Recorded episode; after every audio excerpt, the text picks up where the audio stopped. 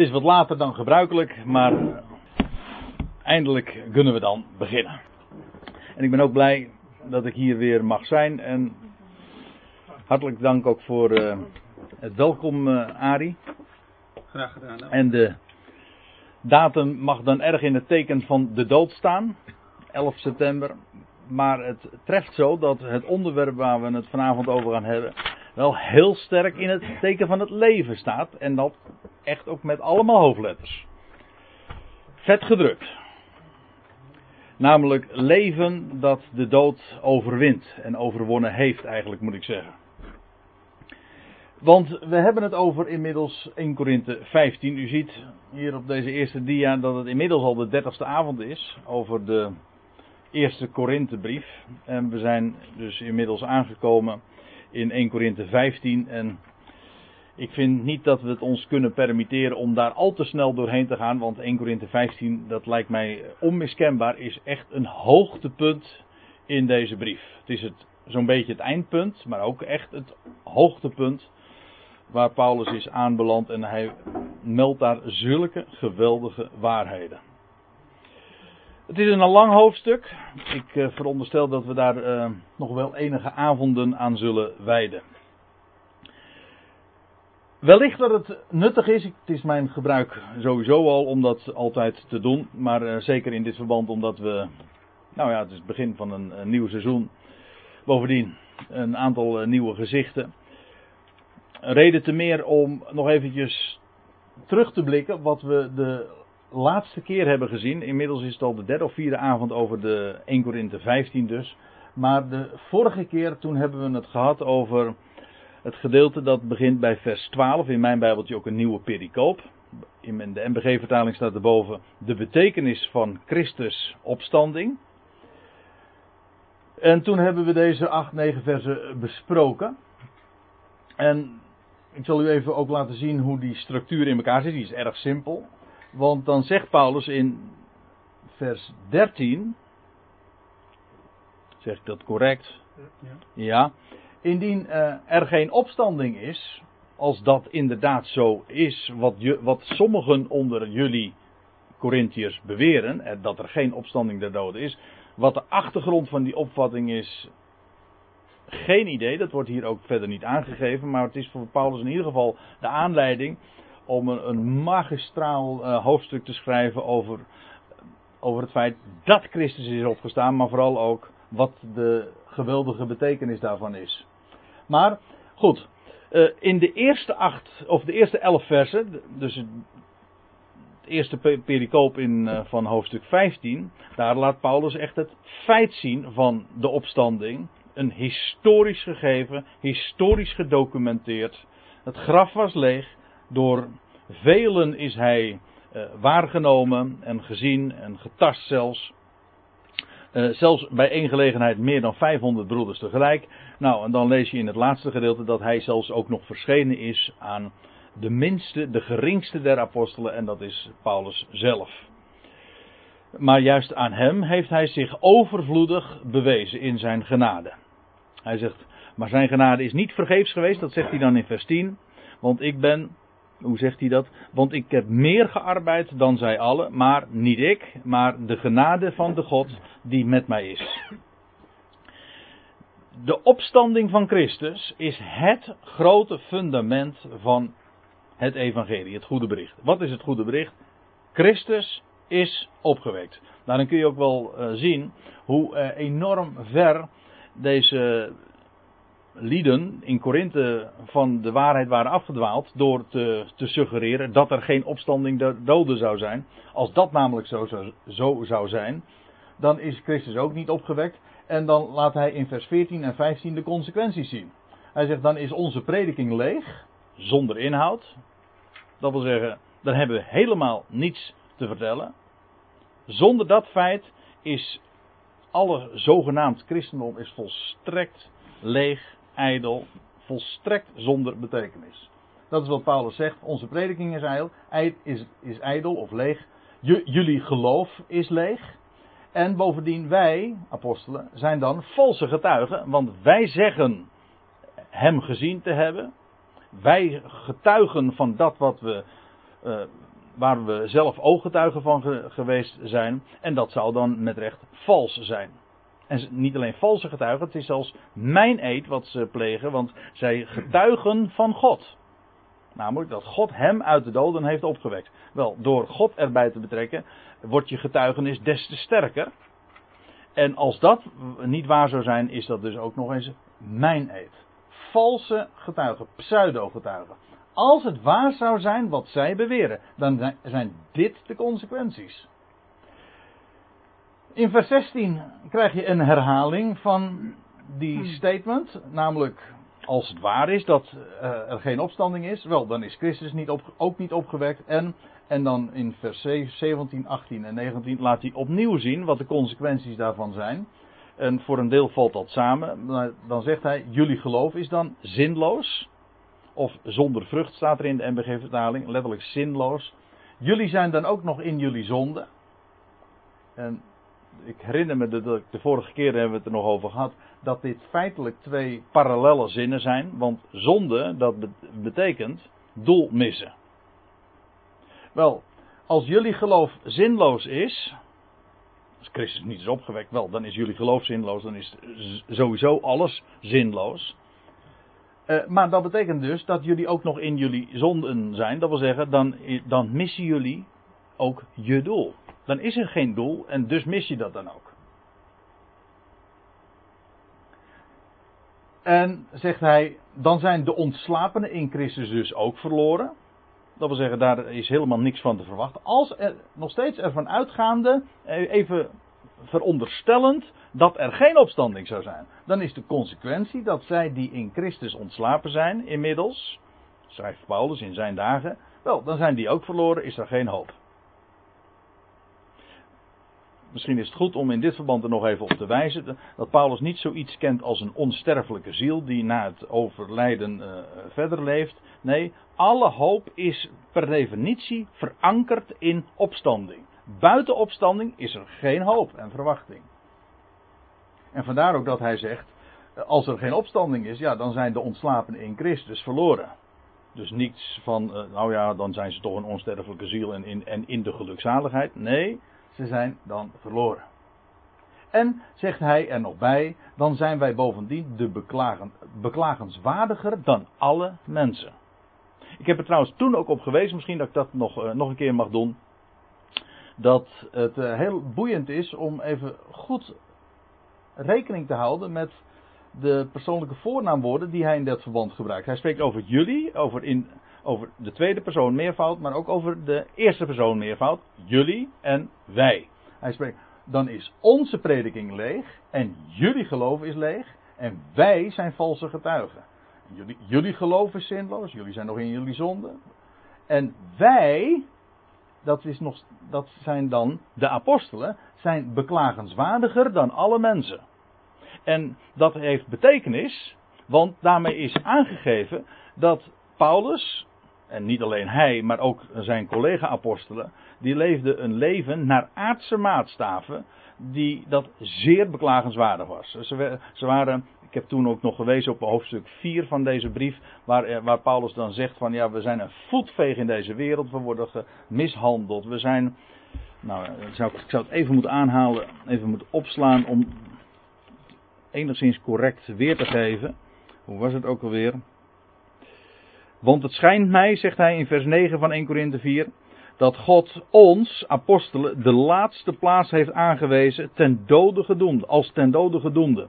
Want wij zijn een schouwspel geworden voor de wereld, voor engelen en mensen. En dan zegt hij in vers 11, tot op dit ogenblik verduren wij, apostelen, honger, dorst, naaktheid, vuistslagen, een zwervend leven, we verrichten zware handarbeid. Worden we gescholden, we zegenen. Worden we vervolgd, wij verdragen. Worden we gelasterd, wij blijven vriendelijk. Als het uitvaagsel van de wereld. Als allervoetveeg. Tot op dit ogenblik aan toe. Dat was het lot dat zij als apostelen, Paulus in kluis, misschien wel in, eh, in de hoogste mate zelfs, heeft zo'n leven geleefd.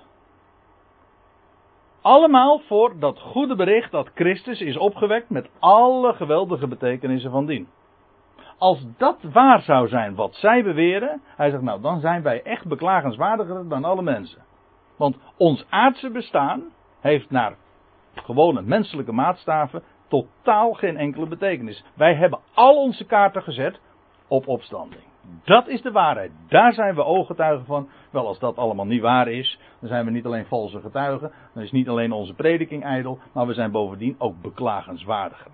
En trouwens, als, en als ik er nog iets aan mag toevoegen, je bent dan ook nog eens een keer dwazer. Want waarom in hemelsnaam zou je dat allemaal op je hals halen voor een leugen? Terwijl het je geen enkel voordeel naar menselijke aardse maatstaven oplevert. Dat het loutere feit dat zij zo leefden is een bewijs van het feit dat ze juist ware getuigen waren.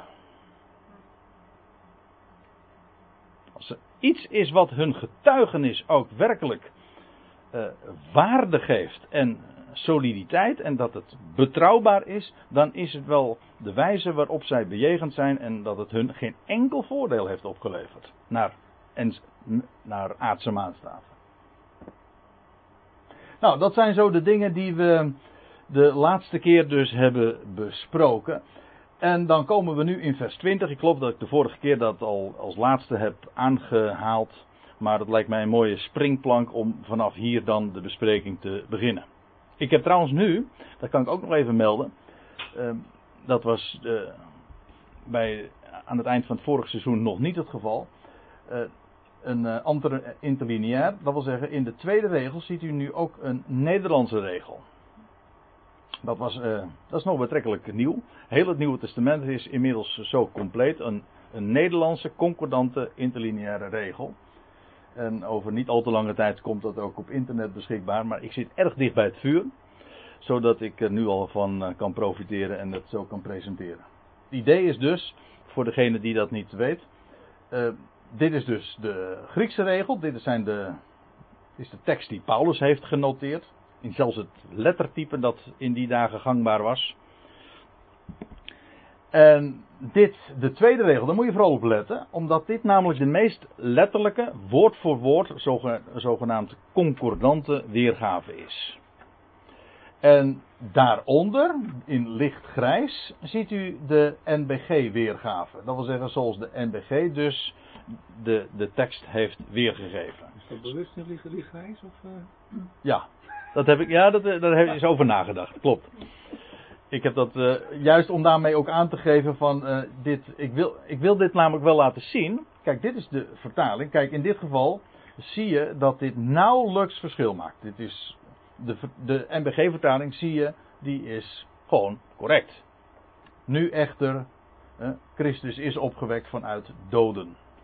Nou ja, het enige waar je kritiek op zou kunnen leveren is het feit dat hier de doden staan. Maar goed, soms vereist het Nederlands idioom ook gewoon dat je zo'n woord ertussen voegt. Dus dat is helemaal geen kritiek. Ik, wil het al, ik wil het laten zien om juist aan te geven van kijk, zo staat het er precies. En, en u als luisteraar of als kijker, moet ik, hoe moet ik het zeggen, uh, kan dat gewoon zo ook uh, meelezen en, en beoordelen. En ik zal heel vaak zo wijzen op, op hoe het er dan precies staat. Want je wil zo dicht als mogelijk bij de schrift komen. En ik vind dat. Uh, een heel groot voorrecht om dat op deze manier ook te kunnen doen. We, ja, de techniek eh, staat ons zo, uh, geeft ons zoveel hulpmiddelen in handen, waardoor je het op deze wijze ook kan presenteren. En dat je zelfs als, als niet-kenner van Grieks of Hebreeuws, van de Bijbelse grondtalen, dat je toch zo dicht bij de bron kan komen. En dat is? Uh, nee. Nee, dat is hetzelfde Griekse woord. Ja, wekken en opwekken. Maar in het Nederlands dan? Ja, in, Neder in Nederlands maken wij wel dat verschil. Uh, ik weet bijvoorbeeld dat er in uh, 1 Korinthe, nee niet 1 Korinthe 15, maar in Efeze 5, uh, dan zegt Paulus van, ontwaakt gij die slaapt en sta op uit de doden. En dan is dat woordje ontwaken, is dat ook dat woordje wekken, wat hier gebruikt wordt. Hè? Ja, dat komt wel dicht bij elkaar. Wekken, opwekken. Het is in ieder geval wel zo. Uh, het, is, uh, het, is, het is verschillend. met opstaan. Je wordt eerst gewekt, daarna sta je op. Wekken, dan denk ik aan iemand wakker maken. Ja. Maar opwekken, dan ben je eigenlijk een beetje al wakker. Iemand is opgewekt. Nou, in ieder ver- Ja, oké, ja, ja, maar, dan zie, ja, maar dan komen de dubbelzinnige betekenissen van eh, de, het Nederlands weer om de hoek kijken natuurlijk. Hè. Als je zegt van ik ben opgewekt. Ik vind het trouwens wel een hele leuke op, eh, dubbelzinnigheid in het Nederlands. Hè. Wij zijn met Christus opgewekt. Ja,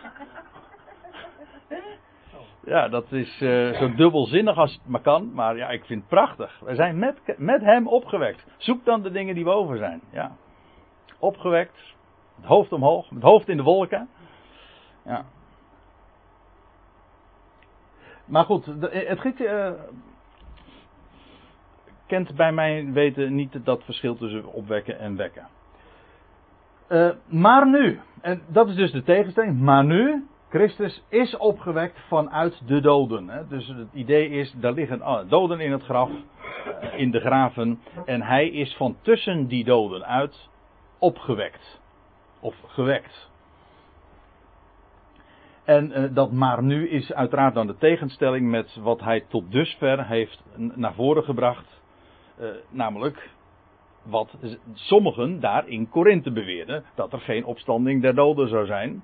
En dus dat Christus niet zou zijn opgewekt. En Paulus zegt daar tegenover aan. Maar nu, Christus is opgewekt. En nou borduurt hij weer voort. Of laat ik het anders zeggen. Hij grijpt nou weer terug naar de eerste elf versen van 1 Korinthe 15. Want daarin had hij het feit al gesteld. Het is gewoon een historisch gegeven. Hij is opgestaan uit de doden. Het graf was leeg. Het is door vele ooggetuigen waargenomen. Het is geboekstaafd. Kortom, het feit ligt. Het is een bewezen feit. Christus is opgewekt. Historie. Nou, dat is het feit. En dus inmiddels had hij de, de misvatting, op, nou zeg ik het aardig, eh, al aan de kaak gesteld. Hij heeft de consequenties van de misvatting onder Korinthe heeft hij ook aan, aan, in, in het daglicht gesteld. Hoe fataal het is. En dan heel triomfantelijk. Maar nu, Christus is opgewekt uit de doden. En bovendien zegt hij, voegt hij aan toe. Als eersteling van hen die ontslapen zijn. Is de eerste keer trouwens dat hij dit woord nu in dit verband ook gebruikt. De eersteling. We zullen het eh, straks over een paar vers, eh, vers 22, 23 zullen we het weer tegenkomen. Maar het is inderdaad de eerste vrucht van de oogst. En wat, dacht je wat? Het kon eigenlijk ook niet missen als je de Bijbelse kalender ernaast legt.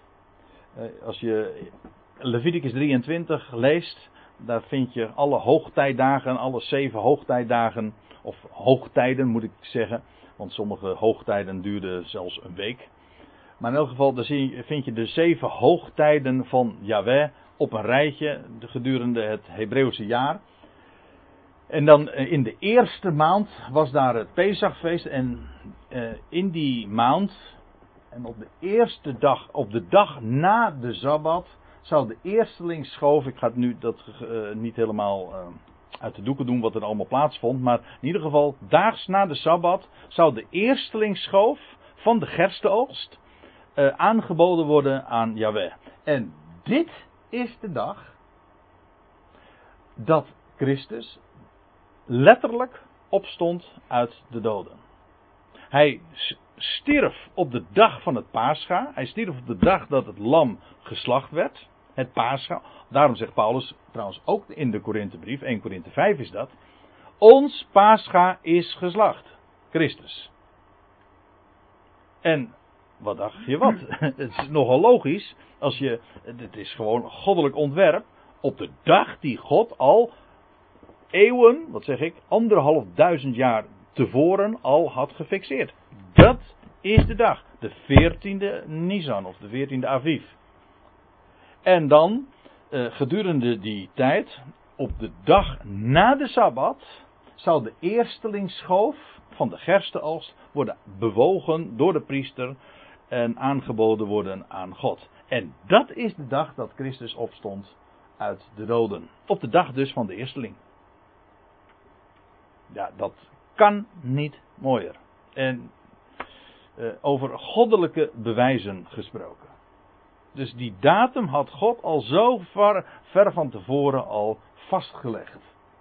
Hij is de eersteling van de, van de oogst. En die dag moest hij opstaan. En als u uh, in de Bijbel, ons, uh, in onze Bijbels, want het geldt voor de MBG, maar ook de Statenvertaling, de, de uitdrukking tegenkomen uh, de eerste dag der week, dan heb ik daar persoonlijk toch geen enkele moeite mee, want het was inderdaad een eerste dag der week. Maar dat staat er niet in het Grieks. Er staat letterlijk op één dag van de Sabbatten. Het was namelijk de. Ja, nou wordt het misschien wel erg technisch, maar in ieder geval, het was, uh, het was nummer één van een periode dat men Sabbatten moest gaan tellen. Want vanaf, laat ik het dan toch maar even zeggen, want anders doe ik half werk. Uh, die dag van de eerstelingsschoof, waar ik het nu over heb, dat was dus die dag dat, de, dat die, die schoof werd bewogen door de priester. Op die dag begon er een periode van 49 dagen. Dat kennen we allemaal nog in de, via, via via in de christelijke kalender is dat ook zo overgenomen. Uh, verminkt overigens, maar goed. Uh, dus op die, zo u wilt, op de eerste paasdag. Doet me pijn als ik het zo moet noemen, want dat klopt niet helemaal. Maar op de dag dat Christus opstond uit de doden, de dag van de eerstlingsschoof, begon er een periode van 49 dagen. Moest men zeven sabbatten gaan tellen. En die perioden, en na de 49 dagen kreeg je dus de vijftigste dag, oftewel dat is wekenfeest, een week van weken, 7 maal 7 dagen, oftewel de vijftigste dag, oftewel Pinksteren. Nou, die periode tussen Pasen en Pinkster, om zo te zeggen, dat is de periode van de Sabbatentelling. En Christus Jezus Christus stond op op de dag van de eerstlingsschoof, maar dat was de eerste dag van de Sabbatentelling. Nummer 1 van de Sabbatentelling. En dat is waar de uitdrukking op doelt. Dus het is een, een hele geladen uitdrukking die we in het Nieuwe Testament aantreffen. Keer op keer in de Evangelie. Dan staat er zo op de eerste dag van de week uh, gingen, ze naar de, gingen de dames naar het graf toe. Ja, hallo, dat was maar niet zomaar een eerste dag van de week. Het was de eerste dag van die Sabbatentelling. Dus de dag van de eerstelingsschoof. De dag dat de eersteling ook daadwerkelijk verrees uit het graf. De eersteling van hen die ontslapen zijn, zegt Paulus hier zo. Dus daar zit een hele veelheid van gedachten uh, in opgesloten. En het is natuurlijk geweldig zoals dat matcht met de, met de kalender die God al zo ver van tevoren aan Israël had gegeven. Het zijn, en met recht ook, het zijn maar niet Israëls feestdagen. Ja, dat werd er wel van gemaakt. Nee, het zijn de hoogtijden van Hem. Het zijn mijn dagen. Maria die wilde Jezus vastpakken. Ze zei van nee, ik ben nog niet aan mijn vader. Ja. Moest waarschijnlijk via het schoof nog. Ja. Eerst met zijn vader moest. Ja, klopt. Ik, uh, ik zie dat uh, net zo. Misschien voert het een beetje te ver om dat uh, nu ook nog erbij te, te, betrekken. Maar goed, je noemt het zo. in aanvang lees je dat Maria de als eerste haar dan de tuinman ontmoet. Hè. Dat, dat denkt ze dan dat ze met hem te maken heeft. En dan, dan noemt hij haar naam en dan, dan wil ze hem vastpakken. En dan, en dan zegt de Heer Jezus, nee, uh, raak mij niet aan, want ik ben nog niet opgevaren naar mijn vader. Later op de dag mogen de dames, uh, die andere vrouwen, haar wel, hem wel aanraken. En vastpakken. De, of de, de conclusie dringt zich aan je op, dat Jezus inderdaad in die tussentijd zich aangeboden heeft als eersteling aan zijn hemelse vader, dat hij inderdaad op die dag al is ten hemel is gevaren. En uh, ik weet dat als ik dit zeg, dan zeg hè, hemelvaart op, op de dag dat hij opstond. Ja, dat is. Uh... Kijk, wat we 40 dagen later plaatsvond, toen was dat was zijn definitieve hemelvaart. Want gedurende die dagen dat hij opgestaan was en definitief vanaf de Olijfberg ten hemel voer, is hij, was hij ook niet continu op aarde, hij verscheen iedere keer aan zijn discipelen. Het was geen permanent eh, verblijf en hij eh, verscheen vele malen aan hen, lees je dan in Handelingen 1. En ik geloof inderdaad, net als wat je zojuist aangaf, dat de Heer Jezus zich inderdaad al op die dag als eersteling aan zijn hemelse vader heeft uh, getoond, gepresenteerd, leven. Het was een, het was een beweegoffer, hè? Die eersteling schoof, die werd bewogen uh, voor, de, voor het aangezicht van Yahweh, lees je dan. Dus als embleem ook bewegen is leven, nietwaar?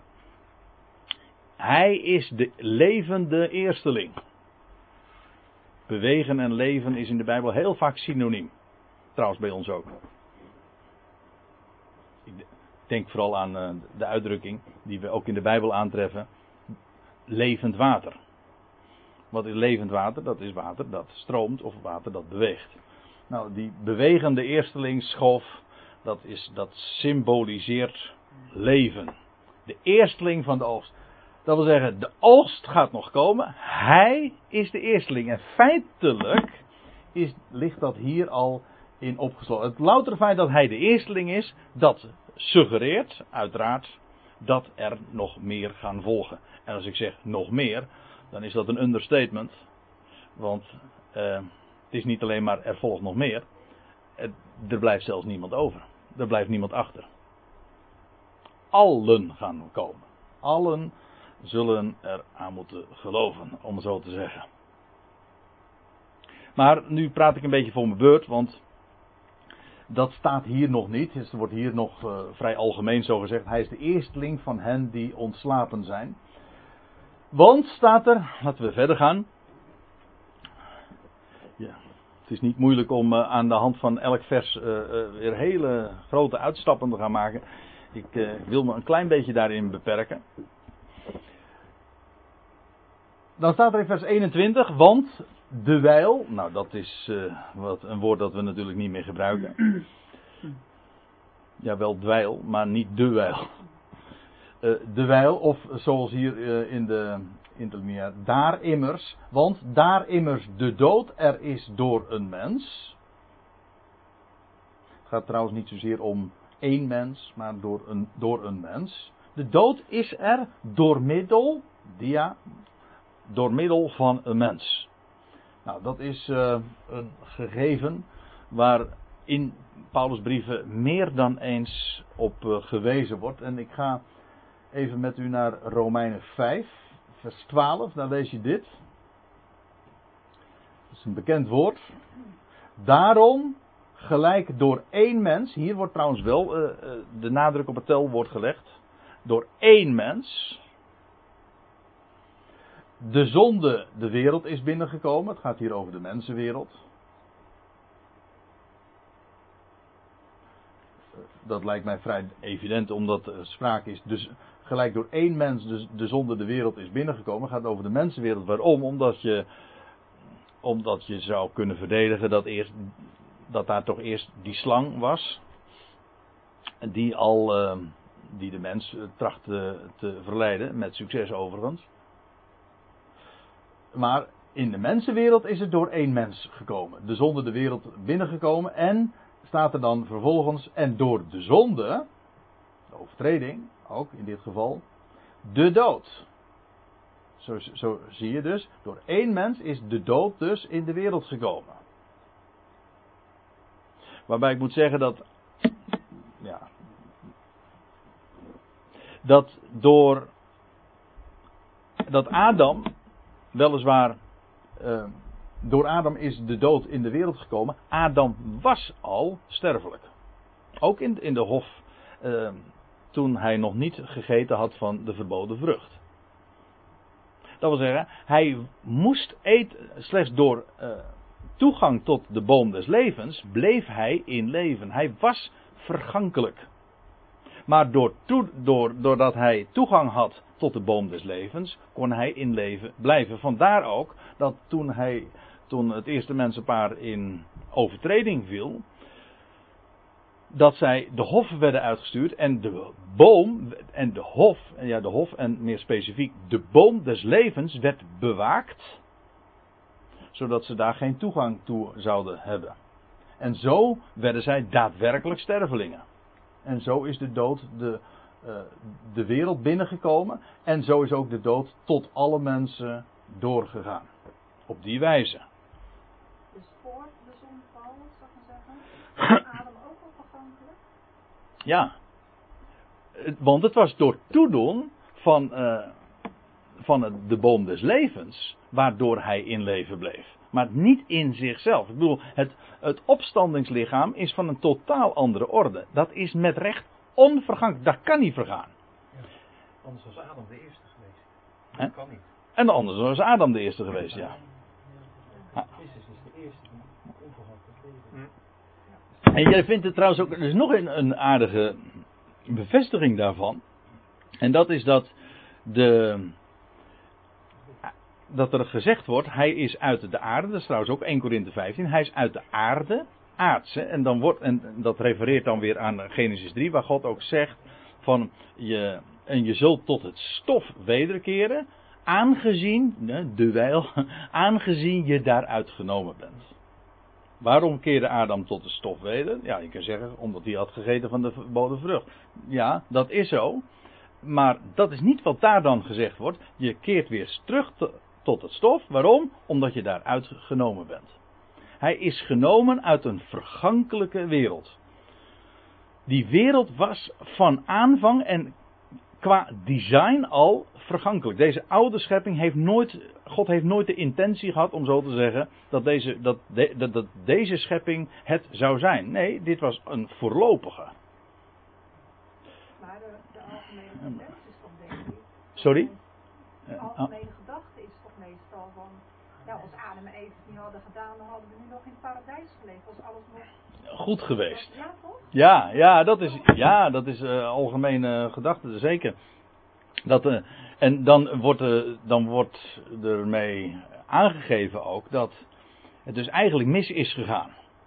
Ja, het is, het is niet goed gegaan. Nou, het enige wat je kunt zeggen is dat Adam heeft overtreden. Dat is waar. Maar er, is, er is godzijdank nooit bij, destijds iets misgegaan, zoals er bij God nooit iets misging. En je vindt in Romeinen 8 uh, dat nou, misschien dat we het toch even kunnen opzoeken. Als we het er toch over hebben. In vers 20. Dat de schepping is aan de vruchteloosheid, letterlijk staat er de ijdelheid onderworpen. En dan staat erbij, niet vrijwillig, maar om hem die haar daaraan onderworpen heeft. He? Dus de wereld is vergankelijk. Dat is niet, en weet je, wat het, uh, het motief daarvoor is, wat men altijd aanzegt, van ja, hoe komt het nou dat deze wereld aan de ijdelheid is onderworpen? Dat komt omdat de mens vrijwillig een keuze daarvoor heeft gemaakt. En Paulus zegt, de, de schepping is aan de verijdelheid onderworpen, niet vrijwillig. Dat is dus geen keus van het schepsel, maar om hem, die haar daaraan onderworpen heeft. Dat wil zeggen, het is het design, het is het ontwerp, het is de schepper zelf die dat zo ontworpen heeft. En daar staat er ook bij, maar om hem die haar daarvan aan onderworpen heeft. In hoop echter, dat wil zeggen in verwachting, omdat ook de schepping zelf van de dienstbaarheid van de vergankelijkheid zal bevrijd worden tot de vrijheid van de heerlijkheid der kinderen Gods. Dat is een hele mond vol. Maar het geeft dus aan dat deze hele schepping dus feitelijk de rol vervult van een moeder. Van een zwangere vrouw die in verwachting is, ja. En ze heeft de, de, de rol, de functie om nieuw leven voort te brengen. En het was God, toen God Adam schiep, dan, toen deed hij dat. Adam werd geschapen naar het beeld van God. En dat beeld van God is Christus. De laatste Adam, en dat nou eh, ben ik weer terug in 1 Korinthe 15, want dat is 1 Korinthe 15 vers 45, als ik me niet vergis. Dus Adam werd geschapen naar het beeld van de laatste Adam. Dus nou kun je vervolgens de vraag stellen van wie was er dus eerder?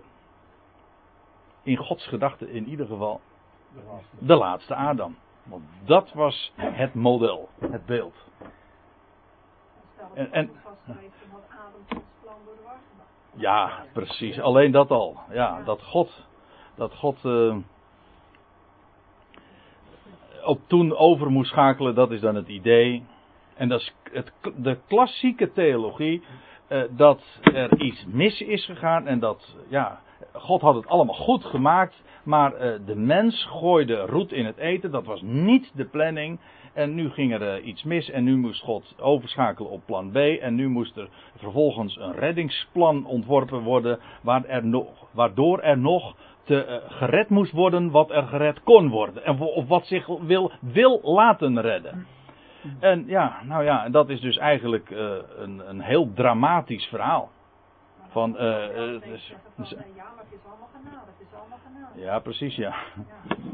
Ja, Ik vond het zo mooi dat er stond via de mens. ja. ja het, eh, het Griekse woordje eh, is eh, dia, betekent door middel van. Ja. Ja.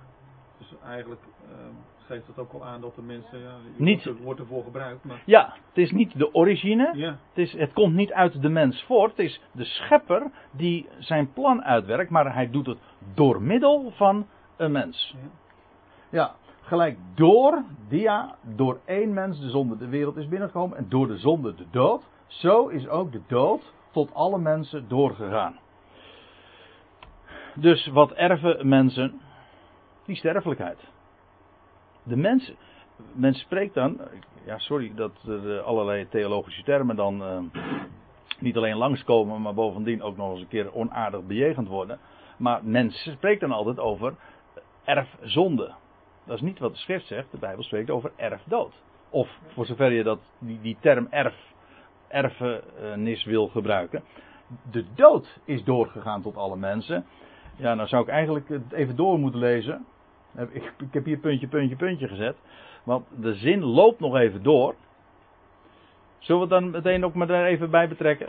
Want eh, ik. eh,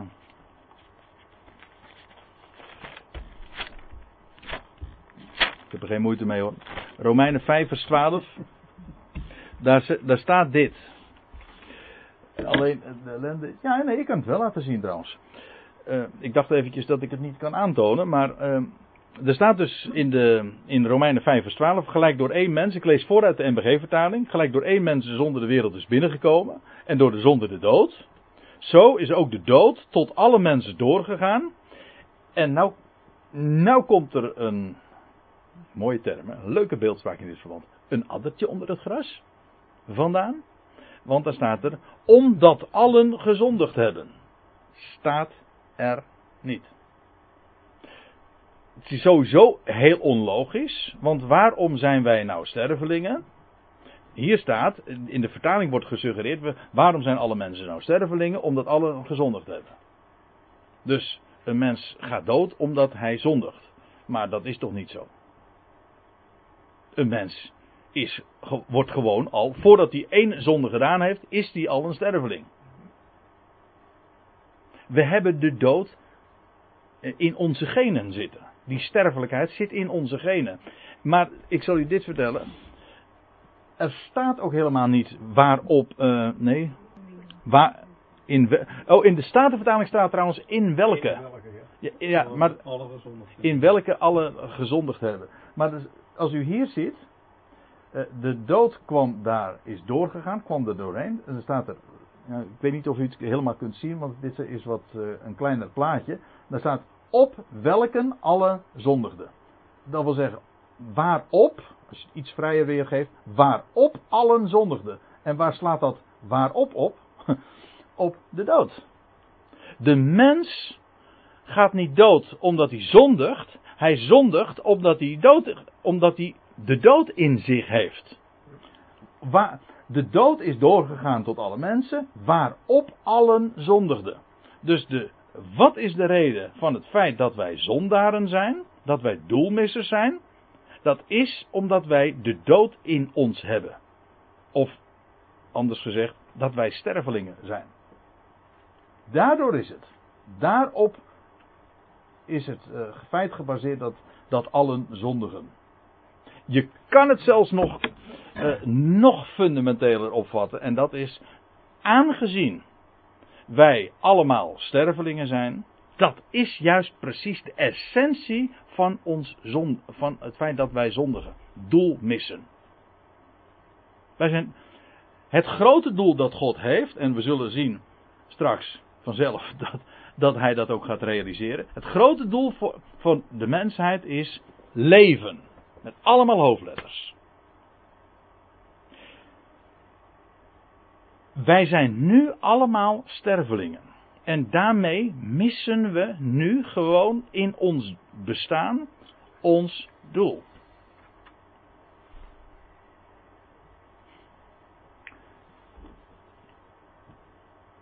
Nou, ik ga weer even terug naar 1 Korinthe 15, want eh, om niet te zeer eh, af te blijven wijken. Eh, we gaan terug naar vers 21 van, van dat hoofdstuk. Want uh, daar de dood er is door een mens. Nou, dat hebben we zojuist gezien. Adam. Zo is ook de opstanding van de doden door een mens. U ziet het?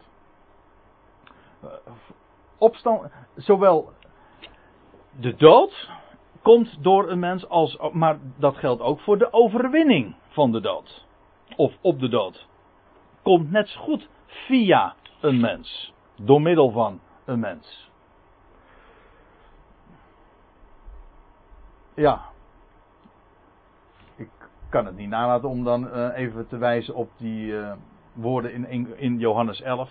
Dat is trouwens die geschiedenis dat de Heer Jezus dat ook demonstreert. Nog voordat hij zelf uh, dus stierf en opstond, dat hij de woorden uitspreekt: Ik ben de, ik ben de opstanding en het leven.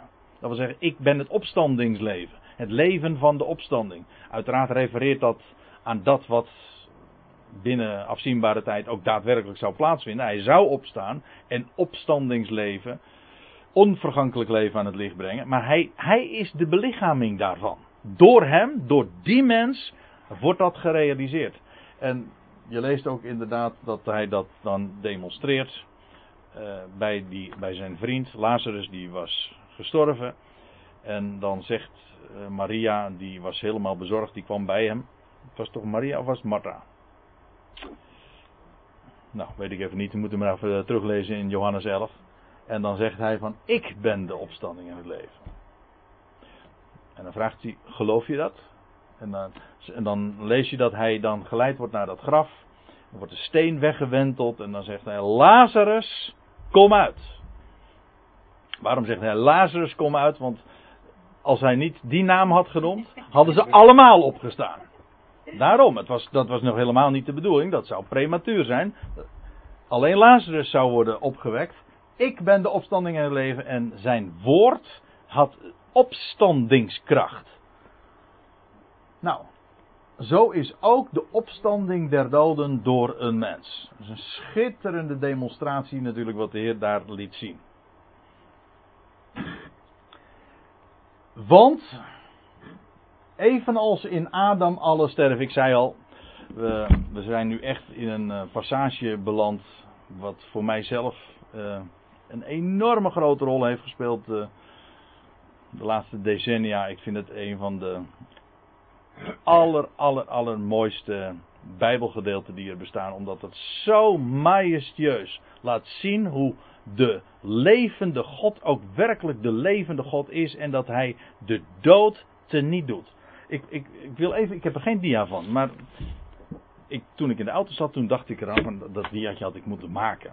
Eh, ik wil u even meenemen naar uh, 1 Timotheus 6. Nu ik dit zo ook zeg over die levende God. 1 Timotheus 6.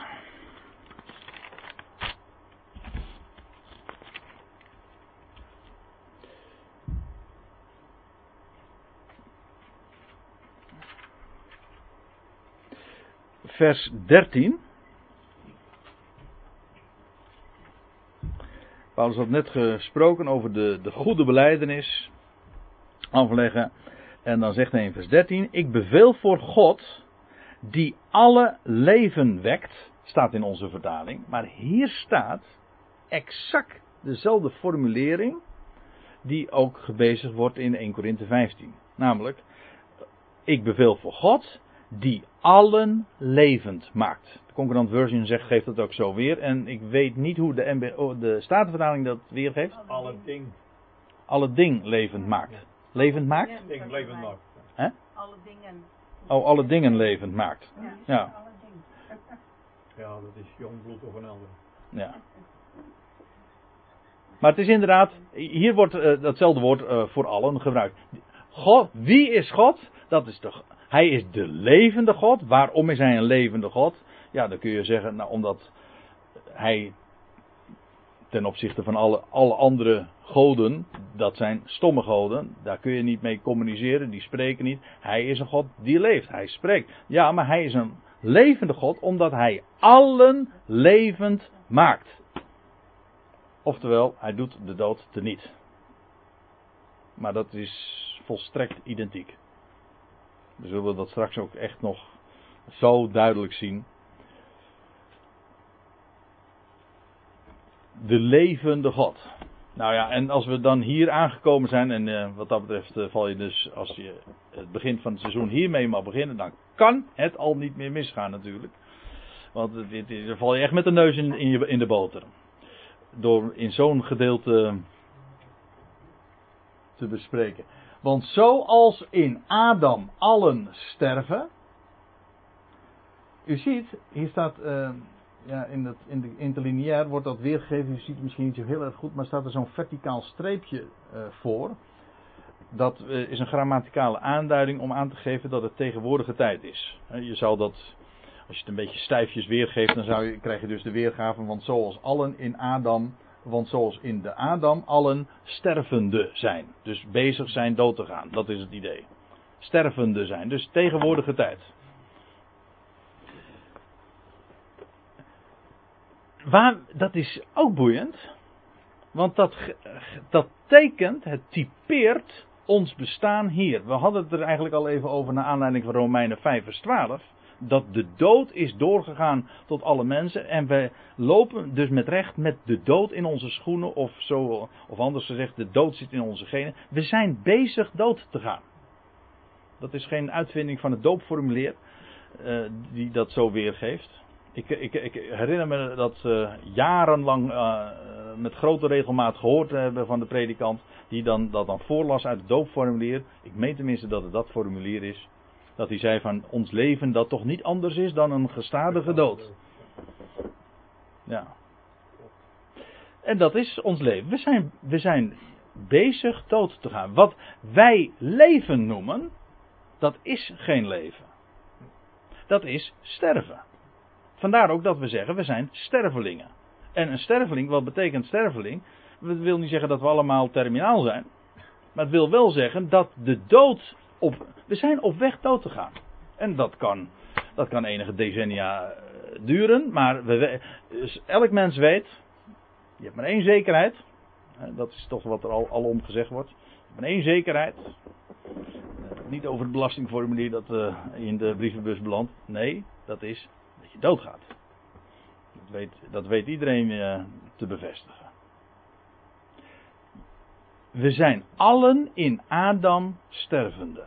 Dat is sinds hem het geval. En er is ook geen ontkomen aan. We zijn dus bezig, eh, bezig inderdaad eh, dood te gaan. Nou, zoals dat waar is. Want u ziet hier, evenals, dat is het begin van een vergelijking. Nu, als er staat, evenals in Adam allen sterven. Is allen hier allen? Ik bedoel, zijn er Adamieten die hieraan onder, ontkomen? Is dat een kwestie van keuze? Of, nee, dat is een gegeven. Daar is helemaal geen eh, keuzemogelijkheid. Dat is een vaststelling. En zoals het een vaststelling is dat alle mensen stervelingen zijn, in en uit hoofde van en sinds Adam, ons voorvader die eigenlijk eh, de naam ook kreeg van de mensheid, namelijk Adam. Adam betekent gewoon mens. Wel, in hem zijn we alle stervende. Romeinen 5 zei exact hetzelfde. Zoals door één mens de zonde in de wereld is gekomen. En door de zonde de dood. En de dood is doorgaan door alle mensen. En eh, in Romeinen 5 doet Paulus dan, uh, zoals, dat doet hij wel vaker. Want dat is ook het begin van een vergelijking. Zoals door één mens. Nou, dan, die zin die moet afgemaakt worden. Zo ook. Dat is wat je dan verwacht. Dat gaat hij ook doen, maar dan komt hij pas in Romeinen 5 vers 18 mee. Want daar, vind je een, een zin die volstrekt parallel mee loopt. We, we, zullen straks na de pauze dat nog even zien. Nog even deze zin uh, in ieder geval even lezen. Zo zullen ook in Christus, of zoals u ziet, er staat eigenlijk een bepaald lidwoord voor, de Christus, de gezalfde. Eigenlijk de term Christus verwijst sowieso naar het feit dat hij gezalfd is, heilige geest heeft ontvangen. Olijfolie is niks anders dan een beeld van geest. En geest is leven. Als je de geest krijgt, ontvang je leven. Nou, hij ontving leven toen hij werd gewekt uit de doden. Toen werd, heeft hij, God hem tot Heer en tot Christus gemaakt. En, en de Christus, hij is ook, dat is, de, de uitdrukking liet ik net al eventjes uh, vallen. Maar in, hoofdstuk 15, in ditzelfde hoofdstuk, dus vers 45, daar wordt hij genoemd de laatste Adam. Denk erom, de laatste, niet de tweede. Meestal wordt dat uh, verkeerd geciteerd. Ik, hoorde, ik, zat laatst naar een betoog te luisteren van een, door mij zeer gewaardeerde Bijbelleraar. En voortdurend, en ik struikelde iedere keer over, want hij had iedere keer over de tweede Adam. En ik nee, nee, dat staat er niet. Het is de tweede mens, maar de laatste Adam. Dat is de uitdrukking. Weet u waarom ik het zo mooi vind? Er komt er geen ander meer. Want ja, je zou natuurlijk altijd kunnen verdedigen dat als het met Adam ooit misging, wat dus ook al niet uh, waar is, maar goed, uh, als je die gedachte al hebt, ja, waarom zou het dan met de tweede Adam weer niet mis kunnen gaan? Als het toen fout kon gaan in Gods programma, wat allerwege de gedachte is. Wie geeft mij dan op een briefje en de garantie dat het straks niet weer misgaat? Want God heeft het dan kennelijk niet allemaal onder controle. Maar als God God is, dan heeft hij alles in de hand. En dan wist hij ook al, hij weet wat maaksel wij zijn, toch? Hij wist wat maaksel, hij had Adam zelf geformeerd. Dacht u werkelijk dat hij toen echt, zo, dat is echt een fabrieksfoutje of zo? Natuurlijk niet. Hij had toen die Adam schiep, wist, toen deed hij dat met het oog op de laatste Adam. En God werkt altijd door middel van contrast. En alleen tegen de achtergrond van vergankelijkheid laat hij onvergankelijkheid oplichten. En tegen de achtergrond van zonde laat hij genade zien. Wel, dat is de functie van deze oude schepping. Achtergrond, decor.